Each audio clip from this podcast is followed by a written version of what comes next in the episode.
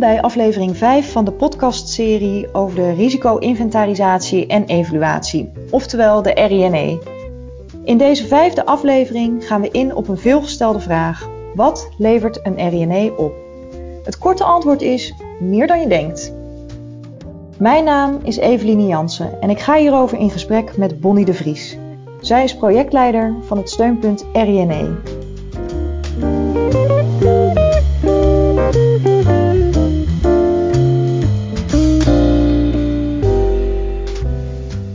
Bonnie. Wat levert een RINE op? Dat is een vraag die we heel veel horen. Uh, je hoopt natuurlijk dat gezond en veilig werken vooral iets is wat je met z'n allen wilt. Maar goed, daar hangt natuurlijk ook een kostenplaatje aan. Uh, ja, hi Eveline. Uh, fijn dat ik opnieuw mag aanschuiven ook in deze podcast. Meteen een interessante vraag om mee te beginnen. als we het gaan hebben over kosten en baten, wat levert een RINE nou op? Um, het antwoord is niet zo heel eenduidig te geven. Wat ik wel kan zeggen is dat onderzoek van EU-OSHA, het uh, Europees Instituut voor Gezondheid en Veiligheid op het Werk, uh, in ieder geval aangetoond heeft dat elke euro die je investeert ongeveer 2,20 euro oplevert. En dat is een onderzoek dat uitgevoerd is waar dat heel duidelijk uit blijkt. Het levert ruim het dubbele op dus. Ja, ja dus dat, dat klinkt in ieder geval ontzettend mooi en is ook een hele mooie stimulans natuurlijk om aan de slag te gaan met je RINE en met gezond en veilig werken in het algemeen. Um, stap 1 is wel altijd wat mij betreft uh, in je bedrijf ervan overtuigd zijn dat een bepaalde aanpak nodig is en ook effectief zal zijn, zeg maar. Hè? Dus dat je samen overeenkomt van, goh, wat gaan we nou eigenlijk doen? En staan we er allemaal achter dat dat de juiste manier is om, uh, om dit, dit vraagstuk of dit probleem op te pakken omdat het anders in de praktijk toch eigenlijk nooit uh, zal gaan werken, hoe mooi je de business case ook beschrijft. Dus hoe mooi je ook uh, duidelijk kunt maken hè, van dat uh, de euro die je investeert, die 220 oplevert. je moet het er met elkaar ook over eens zijn dat de aanpak die je kiest, dat dat ook de juiste is. Dat klinkt wel logisch, want als er geen draagvlak is, dan zal er uiteindelijk ook niks veranderen. Dus dan komen die baten daar ook niet uit. Maar dan naar die cijfers. Als je het hebt over wat levert het op, dan heb je het zowel over kosten als over baten. Ja, dat, uh, dat klopt inderdaad. En ik denk dat met name de kosten uh, voor iedereen die ooit met een RIN aan de slag geweest is of daarmee wil gaan beginnen, al vrij snel helder worden. En je hebt het dan wel echt over verschillende uh, soorten van kosten. enerzijds heb je natuurlijk over het maken van de RINE. Dus daar moet iemand, een medewerker, moet daar tijd in stoppen. Soms wordt daar uh, ondersteuning voor ingehuurd, bijvoorbeeld om die RINE te gaan maken. Dat is ook een uh, behoorlijke kostenpost.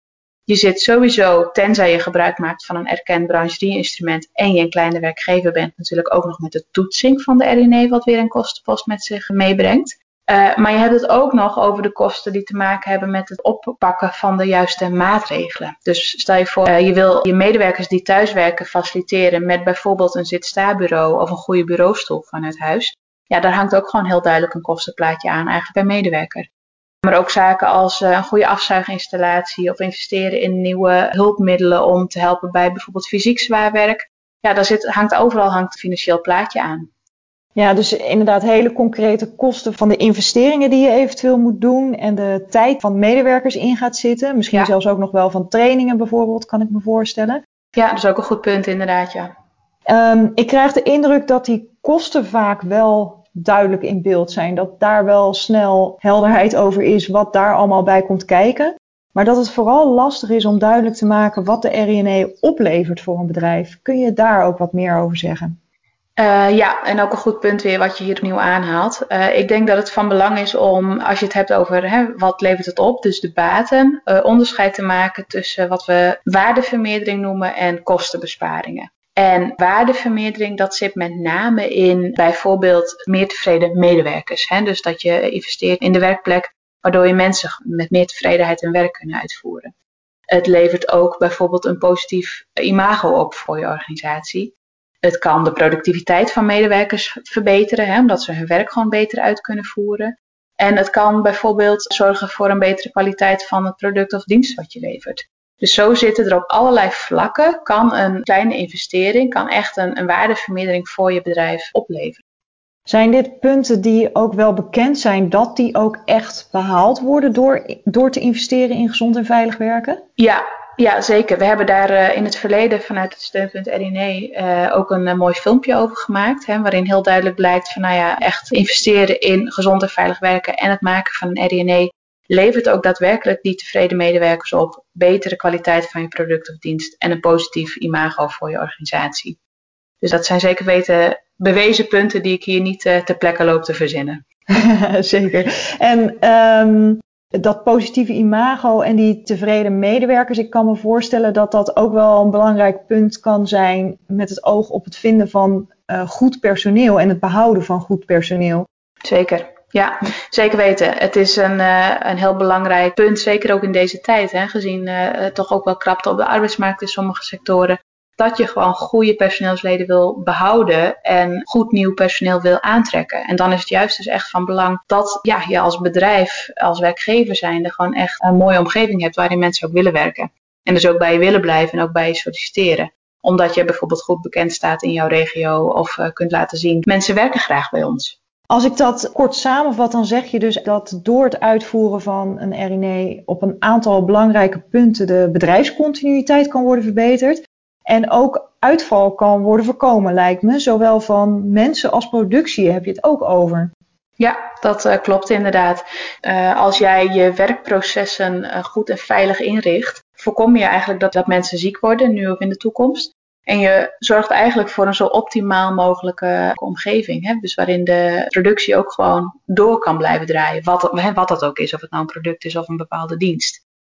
Bedrijven die gezond en veilig werken en de RNE goed op orde hebben, uh, ja, kijken vooruit. En dus zorgen niet alleen daarmee voor een gezonde en veilige werkplek nu op dit moment, maar ook voor een preventief beleid voor de toekomst en op andere vlakken regelmatig onderhoud plegen aan, aan bijvoorbeeld machines is daar een voorbeeld van. Hè. Dat zorgt voor veiligheid op dit moment en ook op de lange termijn. Maar het voorkomt ook dat een proces vastloopt. Hè. Dus dat je als werknemer zijnde niet verder kan met waar je op dat moment in zit omdat de machine weer een storing heeft. Toch wel iets wat ik ook uit de praktijk wel eens gehoord heb, wat heel belemmerend kan werken. Dus het is inderdaad echt ook wel een factor bedrijfscontinuïteit die misschien de directe link en wat dat oplevert is misschien ingewikkelder te leggen, maar die, die link die is er wel degelijk.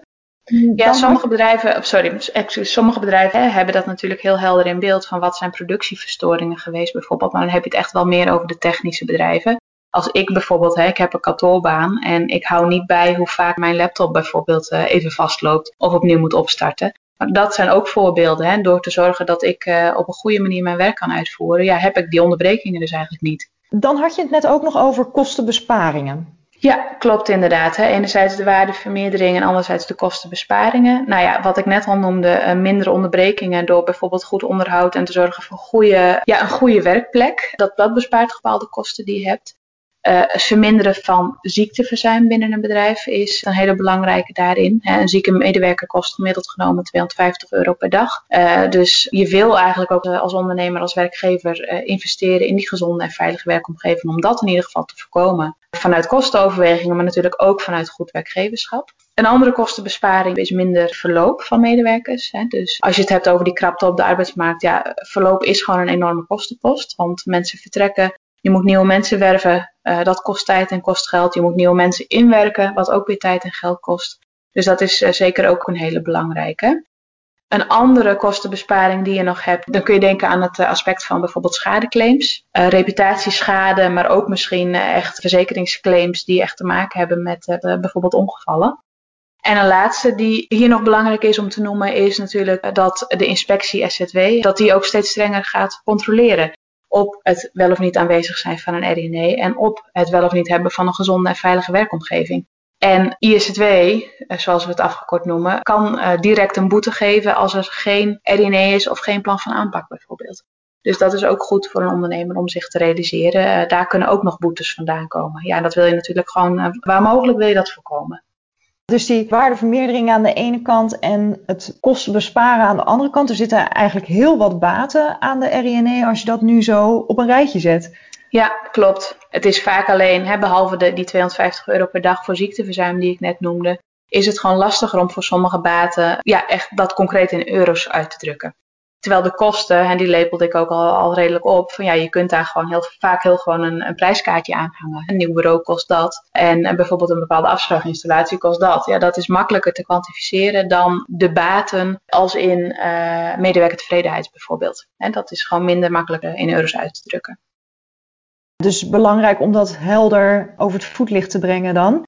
Klopt. Ehm, ja, en dat valt of staat ook weer met hè, van eh, ben je het eens binnen je bedrijf met een bepaalde aanpak van uh, gezond en veilig werken? Ben je het eens met de aanpak van de RNE? En hoe kun je dat heel helder duidelijk maken, zodat iedereen ook de neus dezelfde kant op heeft? En uh, ook heel duidelijk wordt van ja, dat zijn dus ook echt daadwerkelijk baten waar wij als bedrijf heel veel aan hebben. Die baten zijn denk ik ook nog wel iets meer zichtbaar vaak op de langere termijn. Terwijl die kosten vaak in één keer komen en ja. um, wat daarmee ook concreter zijn. Ja, zeker.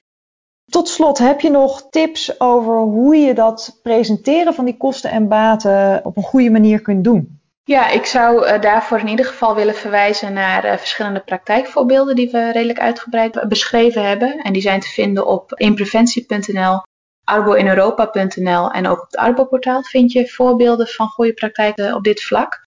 En wat ook nog interessant is om te kijken naar een specifieke uitwerking voor fysieke belasting op de, op de site www.fysiekebelasting.tno.nl zijn echt voor dat aspect hele uitgewerkte kostenbatenanalyses te vinden. Uh, toevallig is er ook een webinar opgenomen over dit thema, waarin ook nog meer tips genoemd werden. Dus uh, de replay daarvan is zeker ook een aanrader voor degene die uh, meer wil weten over kostenbaten. Oké, okay, helder. Dankjewel voor deze tips nog. En heel erg bedankt voor je uitleg over de kosten en baten van de RNE. Hopelijk geeft het wat goede aanknopingspunten om bedrijven en management te overtuigen van het belang van een RINE. Als je de kosten en baten nog eens rustig wilt nakijken, kun je terecht op de website van steun.rine. Je vindt daar een overzicht van de kosten en baten en ook een animatie waarin dit nog een keer wordt toegelicht. Je vindt dat op www.riep.nl/slash kostenbaten. Hartelijk dank voor het luisteren en graag tot een volgende podcast.